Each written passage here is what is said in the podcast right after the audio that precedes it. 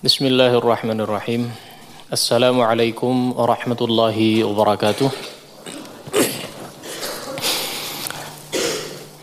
الحمد لله رب العالمين وبه نستعين على أمور الدنيا والدين والصلاة والسلام على رسول الأمين نبينا محمد وعلى آله وصحبه أجمعين ومن تبعهم بإحسان إلى يوم الدين. سبحانك لا علم لنا إلا ما علمتنا إنك أنت العليم الحكيم. اللهم إنا نسألك علما نافعا ونعوذ بك من علم لا ينفع.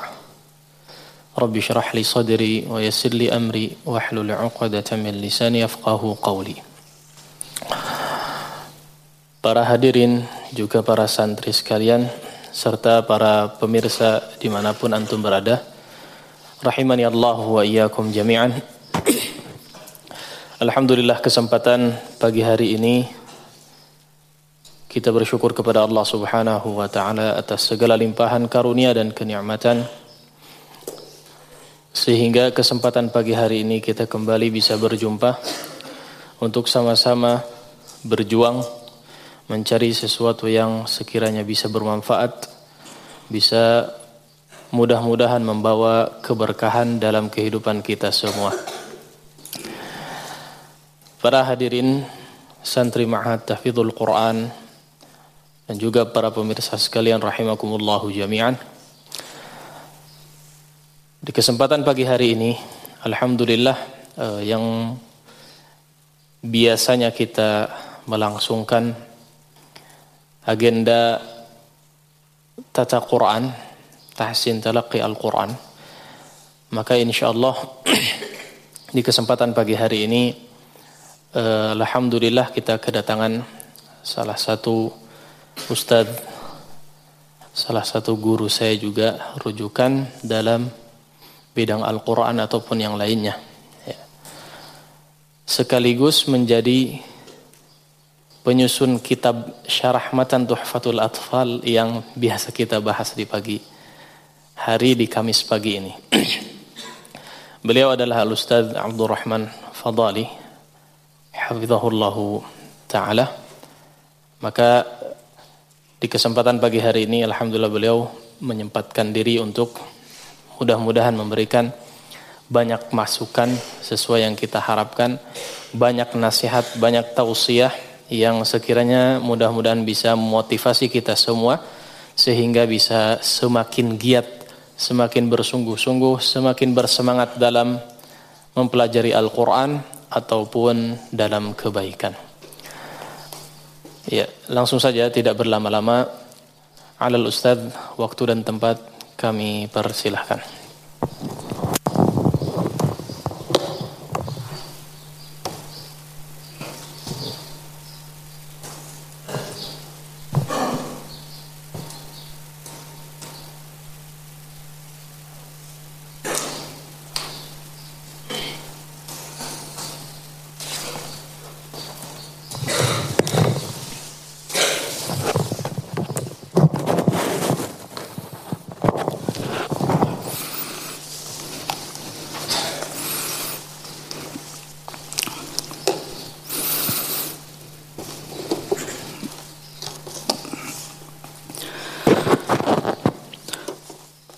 بسم الله الرحمن الرحيم السلام عليكم ورحمة الله وبركاته الحمد لله والصلاة والسلام على رسول الله وعلى آله وصحبه ومن والاه أشهد أن لا إله إلا الله وحده لا شريك له وأشهد أن محمدا عبده ورسوله لا نبي ولا رسول بعده سبحانك لا علم لنا إلا ما علمتنا إنك أنت العليم الحكيم اللهم علمنا ما ينفعنا وانفعنا بما علمتنا وارزقنا علما وعملا ربنا زدنا علما نافعا ورزقا طيبا وعملا متقبلا ولسانا ذاكرا وقلبا خاشعا اللهم إنا نعوذ بك من علم لا ينفع ومن قلب لا يخشع ومن نفس لا تشبع ومن دعوة لا يستجاب لها Ikhwas sekalian, asatidah, bapak-bapak dan juga tulab dan juga para pemirsa yang semoga dirahmati oleh Allah Subhanahu wa taala. Alhamdulillah pada pagi hari ini Allah Subhanahu wa taala masih banyak sekali memberikan limpahan karunia-Nya, nikmatnya kepada kita semuanya. Di antaranya tentunya yang paling utama adalah Allah masih memberikan kita nikmat Islam. Kita masih berada di atas hidayah Islam. Yang mana kita berharap agar Allah Subhanahu wa taala senantiasa menjaga nikmat Islam tersebut di dalam diri kita sampai nanti ajal menjemput kita. Allahumma amin. Kita pun di atas iman, kita dalam kondisi sehat walafiat, kita masih berada pada taufik sehingga alhamdulillah Allah mudahkan bagi kita semuanya untuk menjalankan tugas kita selaku hamba-hamba Allah. Di antaranya adalah melaksanakan salat subuh secara berjamaah dan juga duduk di majelis taklim dalam rangka untuk mendapatkan keridhaan dari Allah Subhanahu wa taala. Maka perlu diingat ini semuanya adalah nikmat yang agung yang selayaknya terus kita syukuri, kita jaga. Agar Allah Subhanahu wa taala pun senantiasa menjaga nikmat-nikmat tersebut di dalam diri kita dan juga menambahkannya dengan nikmat-nikmat yang lain. Teman-teman sekalian yang semoga dirahmati oleh Allah Subhanahu wa taala. Ya, sebenarnya hadirnya kami di sini untuk berziarah kepada sahabat kami, guru kami Al-Ustaz Haidar. Dan ini adalah kedatangan yang keempat ke tempat ini, tempat yang diberkahi insya Allah. Maka sebenarnya kami di sini tidak layak untuk memberikan faedah-faedah di depan karena masih banyak asatidah yang sudah biasa memberikan faedah untuk antum semuanya. Tapi karena kami ditodong untuk memberikan nasihat, semoga bermanfaat bagi kami pribadi dan juga teman-teman sekalian. Adapun yang insya Allah kita akan bahas pada pagi hari ini adalah tentang tema ke sini cari apa. Antum ke sini ke Ma'had ini cari apa? Kira-kira cari apa antum ke sini? Hah? Cari keringat apa cari apa? Cari apa ke sini? Hah? Bingung. Antum ke sini cari apa? Ilmu. Sepakat semuanya ya, ijma'. Nah, nggak ada yang berselisih pendapat. Semuanya sepakat ke sini cari ilmu, masya Allah. Kita tentunya sebagai seorang muslim dan muslimah berharap tujuan akhir kehidupan kita adalah surga Allah Subhanahu wa taala. Di dalam Al-Quran, dalam hadis-hadis Nabi Sallallahu Allah telah jelaskan semuanya amalan-amalan yang bisa memasukkan kita ke surga Allah Subhanahu. Namun di antara amalan tersebut ada amalan yang sangat berharga, sangat agung. Yang mana jika kita melaksanakan amalan tersebut, maka Allah Subhanahu pintaskan kita untuk menuju surga. Karena fitrah manusia itu kalau menginginkan sesuatu pasti menginginkan untuk mendapatkannya dalam waktu yang sesingkat-singkatnya dan juga jalan yang sepintas-pintasnya. Sebagai contoh misalkan, antum pengen sesuatu. Apa yang biasanya antum inginkan nih, santri-santri? Anggaplah antum pengen beli sesuatu Antum pengennya saat lagi pengen itu bersegera untuk beli yang antum inginkan atau besok-besok saja? Pasti segera. Yang kedua ketika sudah beli pengennya ini barangnya ditinggal di sini dulu ya, nanti minggu depan diambil lagi. Atau antum pengen cepat-cepat bawa pulang ke rumah. Pasti cepat-cepat pengen bawa pulang ke rumah. Dan saat pulang pun antum pilih jalan yang paling cepat, betul? Atau antum cari yang jauh-jauh dulu? Enggak, pasti yang paling ringkas, paling singkat, dan paling pintas. Itu fitrahnya manusia itu. Dan Nabi SAW dalam sebuah hadis, ini hadis sering sekali kita dengar, diulang-ulang terus oleh asatidah. Ada amalan yang apabila kita lakukan, maka Allah pintaskan kita untuk menuju surga. Nabi SAW bersabda, ومن سلك طريقا يلتمس فيه علما سهله الله به طريقا إلى الجنة Barang siapa yang menempuh suatu jalan untuk menuntut ilmu, maka Allah pintaskan baginya jalan menuju surga. Masya Allah. Jadi apa yang kita lakukan ini, menuntut ilmu ini ternyata adalah jalan pintas menuju surga. Sehingga bersyukurlah kita. Alhamdulillah. Ternyata kita berada di atas jalan yang benar. Ini jalan pintas untuk menuju surga. Tapi kemudian yang membuat kita heran, sudah tahu bahwa ini jalan pintas menuju surga nih menuntut ilmu. Belajar di pondok seperti ini. Tapi kadang ada aja rasa futur, rasa malas, tidak semangat, loyo, ogah-ogahan, tidak bergarir, tidak bergairah. Tidak menunjukkan rasa senang untuk menempuh jalan untuk menuju surga ini. Ini kenapa ini bisa terjadi? Ya gak? Tapi kalau untuk main, main bola kayak main-main yang lain yang sia-sia itu semangat menjalaninya dengan ikhlas dan senang. Kenapa bisa terjadi ini? Alasannya adalah karena fitrah manusia yang kedua adalah manusia tidak akan melakukan sesuatu kecuali yang menurut dia bermanfaat. Apa sih untungnya buat saya? Ya. Coba antum minta tolong dong lakukan ini. Untungnya buat saya apa gitu. Antum mau capek-capek melakukan sesuatu itu pasti mikir untungnya buat saya apa gitu. Akhirnya antum mau untuk melakukannya. Karena ada keuntungan yang antum mau ambil.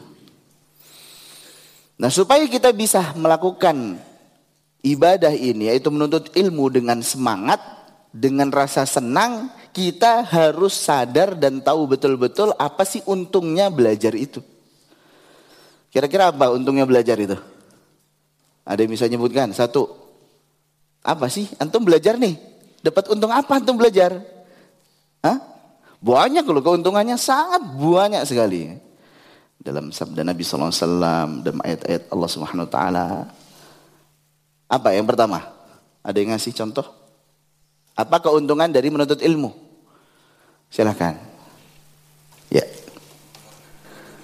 Mengangkat kebodohan diri, mengangkat kejahilan dari diri sendiri dan orang lain. Masya Allah, itu di antaranya. Ada lagi? Ada lagi apa keuntungan dari menuntut ilmu? Sudah itu saja. Apa? Allah angkat derajatnya. Ya gak? Dapat pahala karena melakukan kewajiban. Ya. Dan banyak sekali kita akan sebutkan. Tapi di antara yang paling banyak itu, yang paling pertama adalah bahwa menuntut ilmu merupakan bukti cinta kita kepada Allah Subhanahu wa taala. Itu yang pertama. Antum kenapa sih semangat belajar? Ya karena saya cinta Allah. Andai pun hanya ini saja alasan kita, sebenarnya cukup tidak perlu tahu keutamaan-keutamaan yang lain. Kenapa semangat belajar antum? Ya saya cinta Allah udah. Cinta itu nggak butuh alasan, ya nggak? Ya karena udah cinta. Anda berikan contoh. Emang apa set nyambungnya antara menuntut ilmu dengan bukti cinta kepada Allah? Contoh, antum pernah jatuh cinta kan? Nah, sencangar cengir langsung. Kalau jatuh cinta pikirannya akhwat. Bukan, jatuh cinta itu maknanya luas. Jangan dipersempit. Bukan kelawan jenis saja. Antum dengan orang tua antum itu cinta. Kita dengan saudara-saudari kita, keluarga itu cinta. Dengan sesama muslim saling mencintai karena Allah. Dan dengan Allah subhanahu wa ta'ala. Ini cinta ini. Jangan antum persempit mana cinta tabu saat ngomongin cinta. Enggak, cinta luas. Bukan itu yang kita maksud. Saat antum jatuh cinta, dengan orang tua lah gampangnya. Tiba-tiba antum dapat WA. Kalau dulu kan surat ya. Ya enggak? Zaman belum ada HP, dapat surat dari orang tua. Antum lagi kangen-kangennya sama orang tua, duitnya habis, dapat surat, dapat paket. Kira-kira apa yang antum lakukan tuh? Langsung buru-buru, eh mana Ustaz paketnya, mana Ustaz suratnya. Pengen cepet-cepet antum ambil dan antum buka, kemudian buru-buru antum baca atau nanti aja lah taruh di lemari dulu. Kalau inget baru saya baca. Kalau inget baru saya buka paketnya. Mana? Yang pertama atau yang kedua? Hah? Yang pertama tentunya. Kenapa? Ini spesial nih surat dari yang kita cintai nih. orang tua kita. Udah gitu ada keuntungan nih, ada paketnya ini ya kan. Bisa jadi ada makanan-makanan atau uang. Ya. Yang kita lakukan pasti adalah bersegera untuk membaca surat itu dan juga mengambil keuntungan darinya. Sekarang coba sadarkah kita bahwa Allah Subhanahu wa taala pun juga mengirimkan surat cinta untuk kita. Berapa surat cinta dari Allah? Hah? Berapa surat cinta dari Allah? Satu, dua, tiga, seratus, empat belas surat cinta. Masya Allah. Loh, kok surat cinta? Iya kan, namanya surat Al-Fatihah. Surat Al-Baqarah, surat Ali Imran, sampai surat Anas. Kan surat itu. Cintanya mana? Allah berfirman dalam surah Yunus, "Qul bi fadlillahi wa bi rahmatihi fabidzalika falyafrahu wa khairu mimma yajma'un." Katakanlah wahai Muhammad sallallahu alaihi wasallam, dengan karunia Allah dan juga rahmatnya, kasih sayangnya, cintanya. Para ahli tafsir sepakat, wa bi rahmatihi ay bil Qur'an. Cintanya Allah adalah Al-Qur'an ini. Jadi Al-Qur'an itu adalah surat cinta dari Allah Subhanahu wa taala. Maka kita tengok kepada diri kita. Sudah dibaca semua belum ini surat cinta dari Allah nih? Atau malas-malasan nanti aja saat bacanya. Mana bukti cinta antum kepada Allah taala? Katanya cinta. Semua aku cinta kepada Allah. Tapi cinta butuh bukti. Sebagaimana perkataan masyur, kulun yadda'i waslan bilaila, wa laila lam tukirru lahum dhalik. Semuanya ngaku kenal, ngaku deket, ngaku kekasihnya Laila. Tapi sayangnya Laila tidak mengakui cinta mereka. Gak kenal kok siapa ente gitu. Kita ngaku cinta sama Allah. Masalahnya Allah ngakui tidak kita cinta kepadanya. Karena cinta butuh kepada pembuktian. Di antara bukti kita cinta kepada Allah adalah kita semangat belajar membaca kalam Allah, membaca surat cinta dari Allah SWT. Belajar hadis Nabi SAW. Terus sekarang ketika kita lihat, uh ternyata suratnya ini dari orang tua saya, saya baru ingat orang tua saya orang Turki misalkan. Nggak tahu bahasa Turki saya Sat. Antum nyerah, udahlah nanti aja Sat. Nggak paham. Atau antum berusaha untuk mencari tahu kira-kira ini artinya apa ya. Bisa jadi tanya sama ustadz atau tanya sama teman yang tahu bahasa Turki. Buka mungkin Google Translate. Oh ini artinya ini, ya? Jadi antum pasti bersegera untuk cari tahu isinya ini apa. Bukan nyerah gitu saja karena ini surat dari orang yang kita cintai. Sama ketika Allah SWT ternyata turunkan Al-Quran dalam bahasa Arab. Nggak tahu artinya apa ini isinya ini. Antum nyerah udahlah nggak usah. Males nggak tahu. Nggak ngerti artinya apa. Atau antum tanya kepada ustadz yang tahu. Ustadz ini maknanya apa sih? Wasofah itu sofah. Ini apa sih artinya Ustaz? Oh ini ternyata ini artinya. Atau antum buka kitab tafsir, oh ini maknanya ini. Maksudnya seperti ini nih. Maka itulah bukti orang yang cinta kepada Allah SWT adalah semangat di dalam belajar. Antum hafalkan Al-Quran, pelajari isi kandungannya, dipahami ini maksudnya apa. Semangat untuk melakukan hal tersebut. Sebagai apa? Sebagai bukti cinta kita kepada Allah. Kalau itu tidak dilakukan, dusta cinta antum. Bohong itu ngaku-ngaku doang. Andi pun tidak ada keutamaan lain selain keutamaan ini, maka ini sudah cukup. Apalagi ketika antum baca surat cinta dari orang yang antum cintai itu, pasti pertama dibaca huruf per hurufnya. Dihayati, kadang senyum-senyum sendiri, ya enggak? Dan kadang nggak cuma sekali baca, nggak cuma sekali hatam gitu. Kadang dibaca lagi nanti dua kali, kadang tiga kali, masya Allah. Itu perilaku orang yang jatuh cinta itu. Harusnya seperti itu juga kita dengan Al-Quran. Ini yang pertama. pun ini kita tutup seharusnya sudah cukup. Udah. Oh harus semangat ini untuk belajar Al-Quran. Harus semangat untuk belajar hadis Nabi SAW. Tapi sayangnya keutamaan untuk ilmu itu banyak sekali. Gitu. Yang kedua di antaranya. Adalah bahwa Allah Subhanahu wa taala jadikan kita semuanya yang belajar ini, belajar Al-Qur'an sebagai hamba-hamba pilihan, Masya Allah. Antum ini orang-orang pilihan ini. Di antara jutaan, mungkin miliaran orang dari dulu, Allah pilih antum. Yang seusia dengan antum, ada yang mereka itu tidak mendapatkan nikmatnya membaca, menghayati kalamullah. Enggak pernah ngerasain nikmatnya antum bisa nangis, Masya Allah. Indah sekali ini. nggak nggak merasakan gimana sholat jamaah setiap hari terjaga, nggak merasakan manisnya belajar, masya Allah. Nah antum pilih itu. Allah berfirman, "Thumma awrasna al-kitab alladziina astafaina min ibadina." Kemudian kami wariskan Alkitab yaitu Al-Qur'an ini kepada hamba-hamba yang kami pilih. Jadi kita semuanya adalah hamba pilihan, maka bersyukurlah. Alhamdulillah Allah pilih kita. Sehingga jangan malah minder. Anak cuma anak pondok. Teman anak enak di luar bebas. Bisa ke sana kemari. Nongkrong-nongkrong. Bisa pegang HP terus. Bisa pacaran, bisa minum-minum, bisa ngerokok. Wah happy saat mereka hidupnya. Bebas. Masya Allah.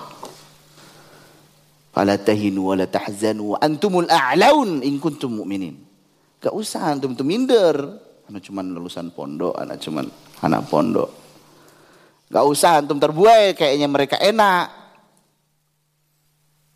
Justru antum yang harus bersyukur. Karena banyak kasus orang yang pernah di pondok kemudian akhirnya terbuai. Wah kayaknya di luar enak nih. Akhirnya keluar. Iya satu tahun dua tahun dia nikmatin itu. Lama-lama merasakan kehampaan juga di dalam hatinya. Ternyata secapek-capeknya kita taat kepada Allah lebih capek lagi jauh dari Allah. Capek jauh dari Allah itu, gersang hidupnya. Gak enak, nyesel lagi pasti bilang, saat anak nyesel, saat gak ikut sama omongan antum, gak dengerin nasihat antum dulu. Nyesel, udah habis waktunya, udah. Udah berkeluarga baru nyesel. Maka jangan sampai keadaan yang menasihati kita. Udah kejadian baru, oh iya ya, baru ngambil pelajaran dari diri sendiri. Telat, ambil pelajaran dari orang lain. Dengerin nasihat orang yang udah pernah melihat hal tersebut, mengetahui hal tersebut. Nah ini yang kedua, bersyukurlah. Allah jadikan antum sebagai tulabul ilm. Ini adalah karunia yang agung yang harus kita syukuri. Karena ini adalah pilihan dari Allah Subhanahu wa taala, murni karunia dari Allah Subhanahu wa taala. Ini yang kedua. Yang ketiga. Kenapa antum semangat belajar? Ya, karena ini kewajiban bagi muslim dan muslimah. Sebagaimana hadis yang masyur. Apa itu hadisnya? Hmm? Dari Anas bin Malik radhiyallahu anhu diriwayatkan oleh Imam Ibnu Majah. Talabul ilmi fardhatun ala kulli muslim. Menuntut ilmu itu adalah kewajiban bagi muslim dan muslimah tentunya. Karena ini kewajiban dari Allah Antum yakini tidaklah Allah wajibkan sesuatu bagi kita yang pertama kecuali kita pasti sanggup untuk melakukannya. Karena la yukallifullahu nafsan illa usaha. Pasti sanggup. Insya Allah sanggup. Yang kedua, kewajiban itu ketika dilakukan dapat pahala. Kalau ditinggalkan dapat dosa. Maka yakinlah bahwa kita sedang berada di atas pahala tiap hari. Masya Allah. Maka kalau udah tahu gitu, oh masya Allah, berarti nggak ada ruginya itu. Untung terus kita setiap hari itu, karena kita sedang dalam ibadah menuntut ilmu. Ini kewajiban dari Allah ini, dapat pahala. Yang keempat, bahwa kita mempelajari ayat, membacanya itu pahalanya seperti haji. Nabi SAW bersabda dari sahabat Abu Umamah yang diriwayatkan oleh Imam Tabrani. Man ghada ilal masjid la yuridu illa an yata'allama khairan aw ya'lamahu illa kana ka ajri hajjin tamman hijjatuhu. Barang siapa yang dia pergi ke masjid, dia tidak menginginkan kecuali mempelajari kebaikan. Antum ini pergi ke masjid, apa yang antum inginkan? Belajar. Mempelajari kebaikan. Dan kebaikan itu adalah apa yang Allah firmankan. Apa yang Nabi Sallallahu Alaihi Wasallam sabdakan. Kecuali dia akan mendapatkan sebagaimana pahala orang yang berhaji dan sempurna hajinya. Masya Allah. Siapa di antara antum yang sudah haji? Angkat tangan yang sudah haji. Yang sudah Pak Haji ini siapa? Mungkin bapak-bapak ya. Yang belum haji siapa? Pengen haji nggak? Iya semuanya pengen. Haji yang hakiki benar-benar. Tapi pengen dapat pahala haji nggak? Ini. Pergi ke masjid belajar kebaikan. Itu dapat pahala seperti berhaji. Pahalanya. Bukan menggugurkan. Anak udah nggak haji setiap hari. Habis itu nggak haji lagi. Padahal mampu. Enggak. Enggak mengugurkan kewajiban haji. Hanya mendapatkan sebagaimana pahala orang yang berhaji. Jadinya senang, wah masya Allah dapat pahala haji. Uh, padahal haji itu pahalanya wal hajjul mabrur laisa lahu jazaun illal jannah. Haji mabrur tidak ada balasan lagi kecuali surga. Udah. Maka dengan mengetahui ini semuanya semangat kita. Surga ini. Yang berikutnya, yang keberapa? Kelima. Ya, yang kelima. Bahwa ilmu itu Al-Quran As-Sunnah itu lebih berharga, bahkan jauh lebih berharga daripada harta dunia. Dari sahabat Uqbah bin Amir radhiyallahu anhu diriwayatkan oleh Imam Muslim, Nabi sallallahu alaihi wasallam bersabda.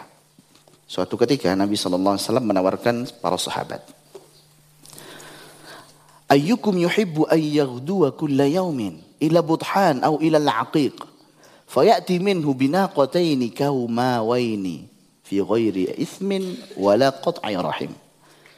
Siapa di antara kalian yang mau setiap hari pergi ke Budhan atau ke Al-Aqiq? Budhan dan Al-Aqiq ini pasar onta. Orang kalau pergi ke sana, kalau nggak jualan onta, kalau nggak beli onta. Siapa yang di antara kalian mau setiap hari pergi ke pasar onta itu, Budhan dan Al-Aqiq ini, terus pulang dari Budhan dan Al-Aqiq, bawa dua onta kaumawain. Onta kaumawain ini adalah simbol kendaraan yang mahal ketika itu. Di mana ketika dikonversi harganya satunya itu 500 juta. Berarti kalau dua berapa? Satu M. Setiap hari pergi ke Budhan, ke Akik, balik-balik bawa aset 1M. Antum punya aset 1M, 1 miliar. Dan itu halal, fi ghairi ismin, tanpa dosa. Bukan karena mencuri atau bukan karena ngerampok. Wala irahim, juga bukan karena akibat permusuhan, berantem. Tapi ini halal sudah, boleh dibawa pulang. Ya tentu para sahabat menjawab, Kulluna nuhibbu ya Rasulullah. Ya semuanya mau ya Rasulullah. Siapa sih yang nggak mau?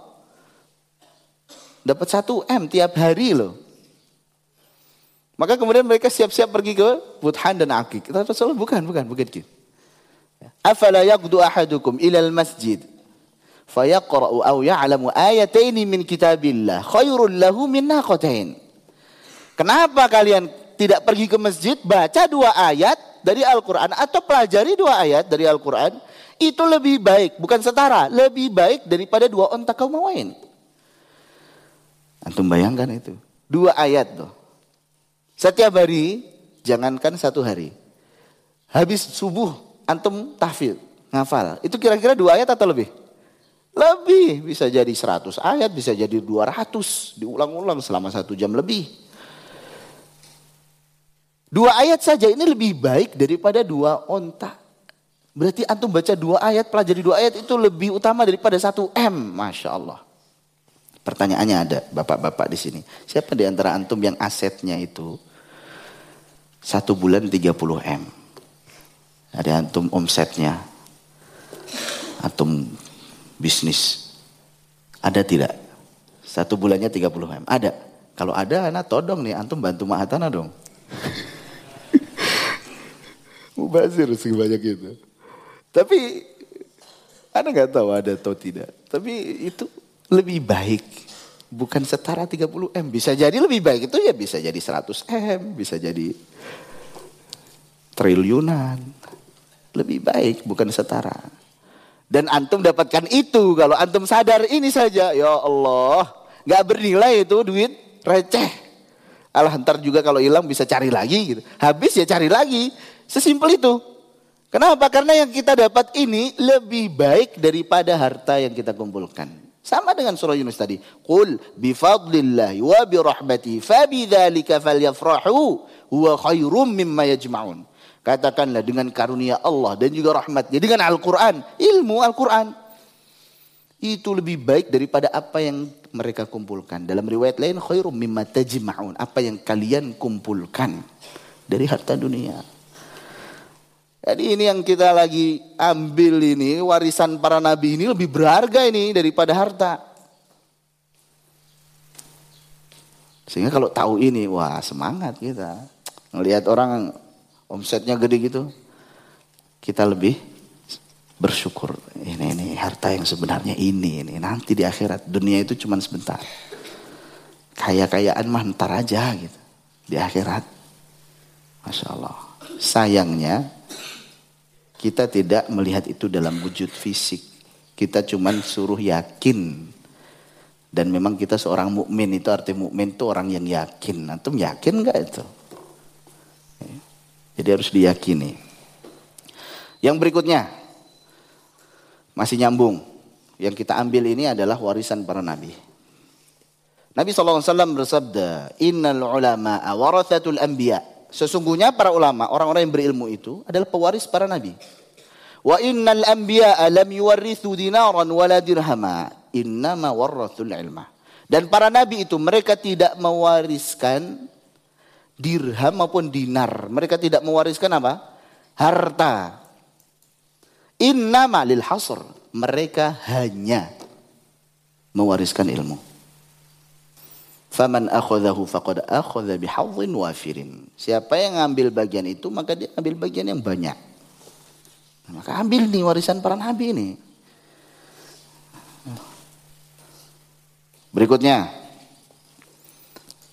yang menunjukkan bahwasanya ilmu lebih utama daripada harta adalah hadis Nabi Shallallahu Alaihi Wasallam. Yang masyur antum sering dengar semuanya ini.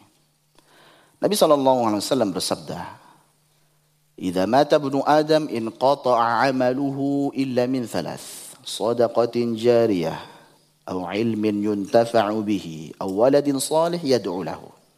Saat anak Adam itu meninggal, manusia meninggal, maka seluruh amalannya terputus.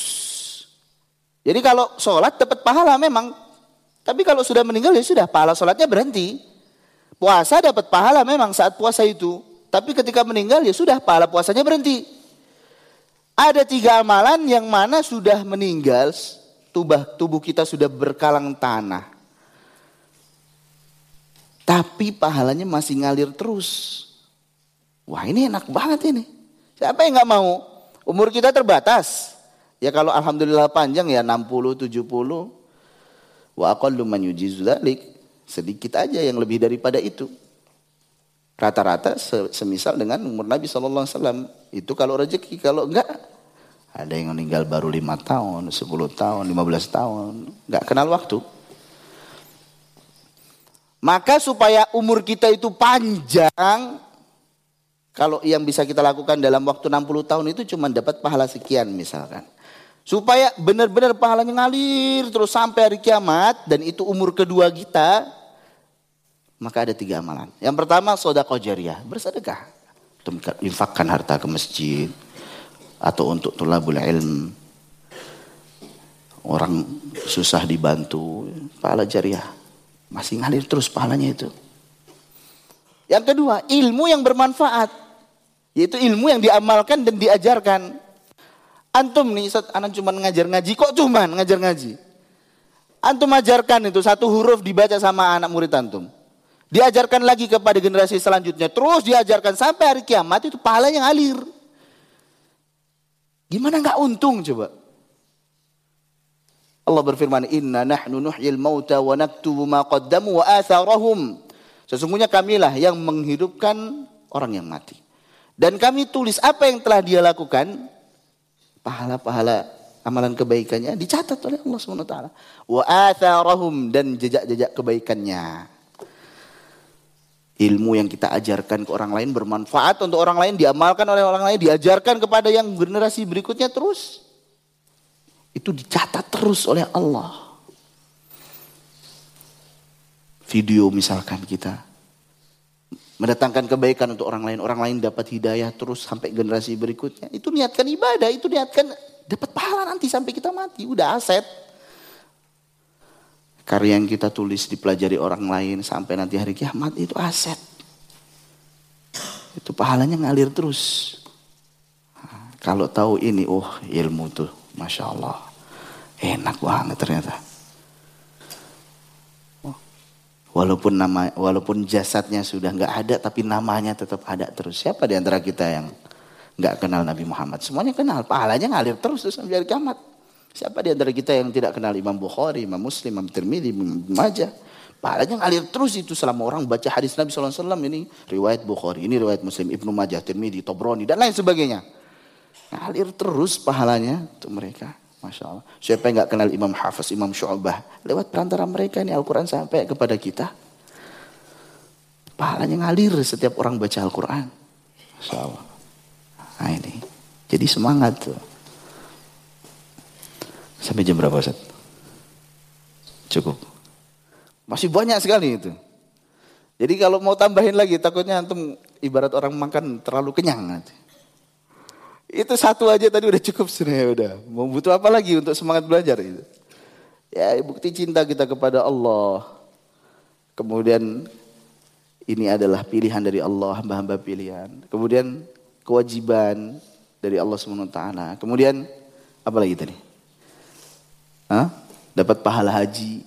Kemudian apa? Lebih utama daripada harta dunia. Pahalanya ngalir terus. Ada bisa nambahkan? Masih banyak. Allah angkat derajatnya misalkan.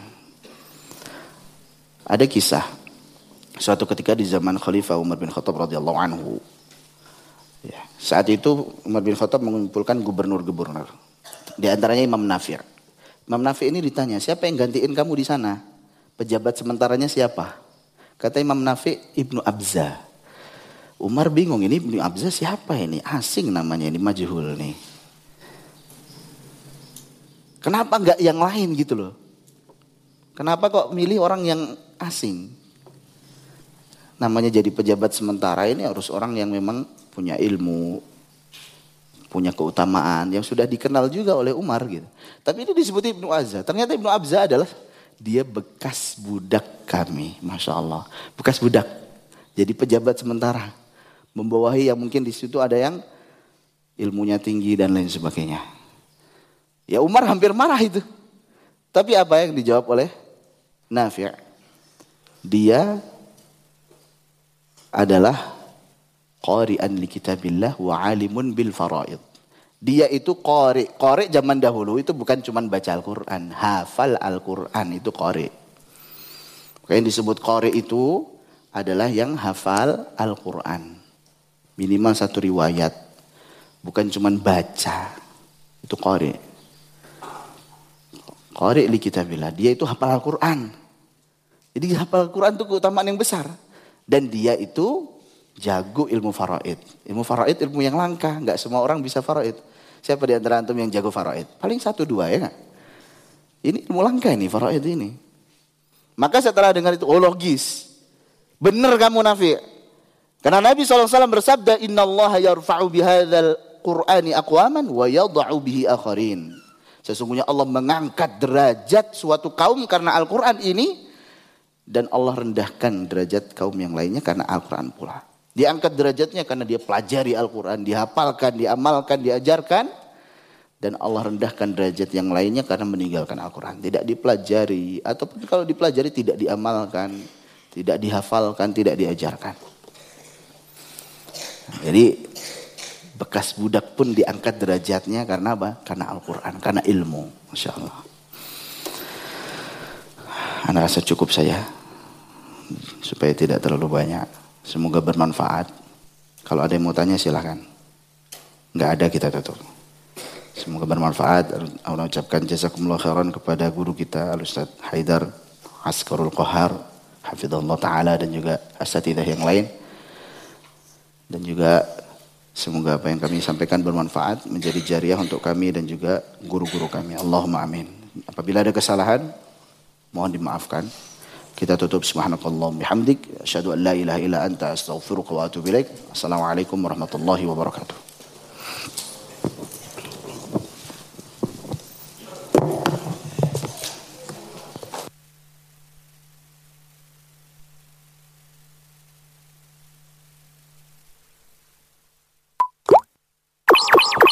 Yuk belanja di TS Mart. Dengan belanja di TS Mart, anda turut berpartisipasi dalam dakwah yang diselenggarakan YTS.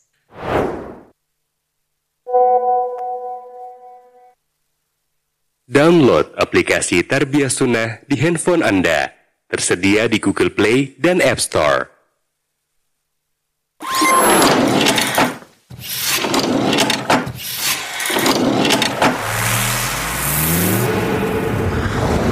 Tarbiyah Sunnah Channel. Lillah Nyunnah Merenah